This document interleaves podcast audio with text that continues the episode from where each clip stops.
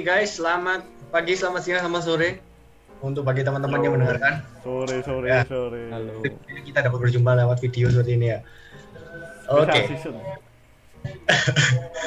oke kita akan membahas sebuah topik mungkin yang masih relevan ya. Kita kan masih dalam masa pandemi seperti ini. Tapi bagaimana kita sebagai warga negara itu eh, membela negara kita dalam menangani COVID-19 ini. Mungkin dari teman-teman ada pandangan-pandangan tertentu nggak tentang seputar COVID ini? Hmm. kita mah bela negara Ya keduanya kalau bisa. duanya oh ya hmm, Dampaknya lah, dampaknya dari pandemi lah. PHK sih biasanya sih. PHK biasanya sih Nama apabila biasanya PHK ya tau Berarti berdampak nang ekonomi yo. Itu kan. ya ekonomi Iya. Yo bener sih. Kalau itu mungkin kalau dari faktor ekonomi paling paling besar dampaknya yang kurang baik sih terhadap pekerja mungkin ya. Pekerja harian sih khususnya. Hmm. Kalau kontrak misal harian ya kontrak Ah. harian itu Hmm. bahkan dulu di sekolah SMA aku tuh eh, ada ibu-ibu kantin itu yang kerjanya harian juga ada yang kerja satpam itu yang menjaga keamanan akhirnya Kepala di- sekolah. bisa di, dirumahkan iya kepala sekolah Iya. Iya sih. Soalnya sekali tutup toh. ya sekolah tutup kampus tutup Sebenarnya ekonomi saya anu kebanyakan perusahaan kan sistemnya kontrak yo. Iya. Jadi kate ngeluarno pekerja lah yo gampang gak leren ngei apa pesangon ya pesan Iya, iya. Tapi ya itu bagi beberapa perusahaan memang ada yang gitu sih. Tapi ini ada berita bahwa ada banyak perusahaan yang masih memperkerjakan pekerjaannya loh guys. Jadi ya tidak semua perusahaan tuh mau mau PHK gitu sih. Ada yang masih perhatian dengan eh, orang-orang itu. Tapi kalau misal dilihat sekarang ada banyak orang yang sudah bekerja nggak sih? Bahkan kita aja yang eh, mau apply magang mungkin ada yang sudah mau nerima gitu kan. Ya. Iya. kalau kalau sekarang setauku ya setauku itu perusahaan entah entah apa itu udah open recruitment lagi. Ya kayak dulu itu kayak apa ya awal pandemi itu kayak kena PHK besar-besaran gitu.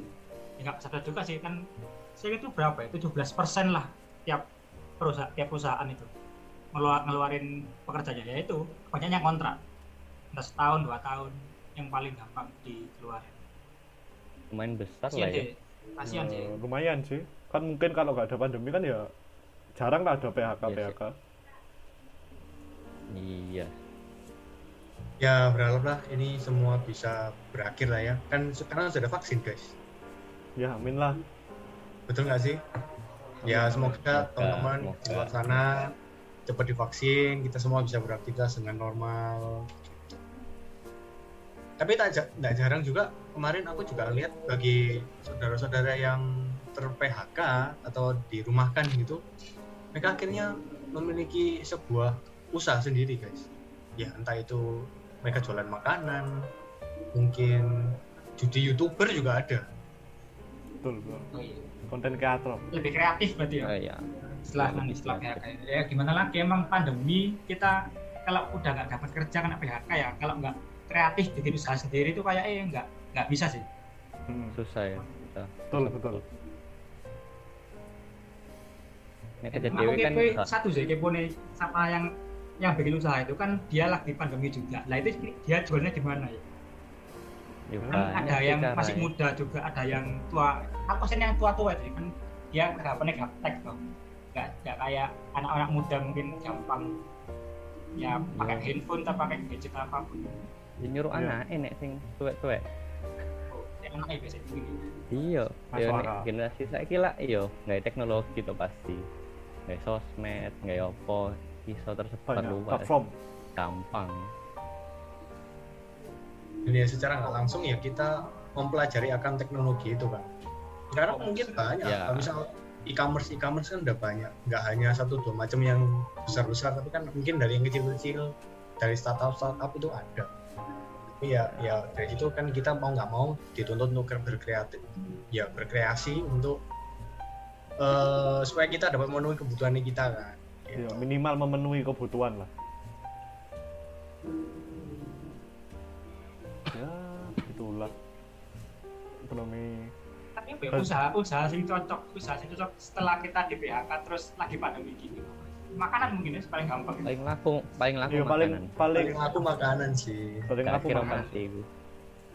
bisnis F&B menurutku gak ada habisnya sih Iya. tergantung Gak dari kita ya iya tergantung dari kita ya sih dapat berkreasi atau enggak ke situ Ya, bisnis fashion, F&B. fashion, fashion bisa. Kayak gini Fashion. desain baju, terus kongen gain anggi. Kan tergantung ya kreativitas mana loh. Ya, misalnya kan kelambimu mbok desain api lo, orang tertarik payu. dari situ kalau mungkin mungkin mungkin dari fashion itu kita nanti jualan sampai ke luar negeri nanti kan kita seakan-akan memperkenalkan identitas Indonesia-nya juga Ya, dapat gitu kan. bisa bisa bisa apalagi kalau misal fashion fashion gitu menga- menganut unsur-unsur Indonesianya itu pasti anu sih mengidentasikan bahwa itu punya Indonesia. Iya benar. Berarti mungkin eh, batik yang sepertinya biasa-biasa aja kemudian dikreasikan dengan oh, tangan yang kreatif tangan yang mahir jadi bagus.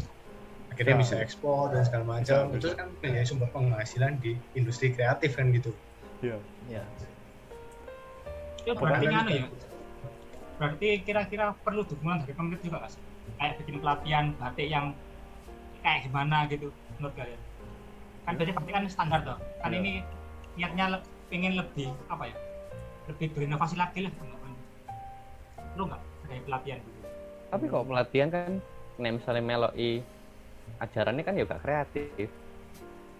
Iya ya, ya apa ya setidaknya itu kita dikasih basic dikasih basicnya aja terus kita kembangin Oh, sendiri gitu. Ya bisa lah bisa.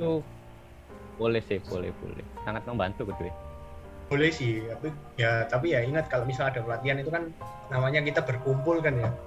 Ya sekarang kan Ya. masih masih di era era pandemi. Eh, ya ada baiknya bagaimana kita mentaati peraturan yang ada protokol kesehatan yang ketat.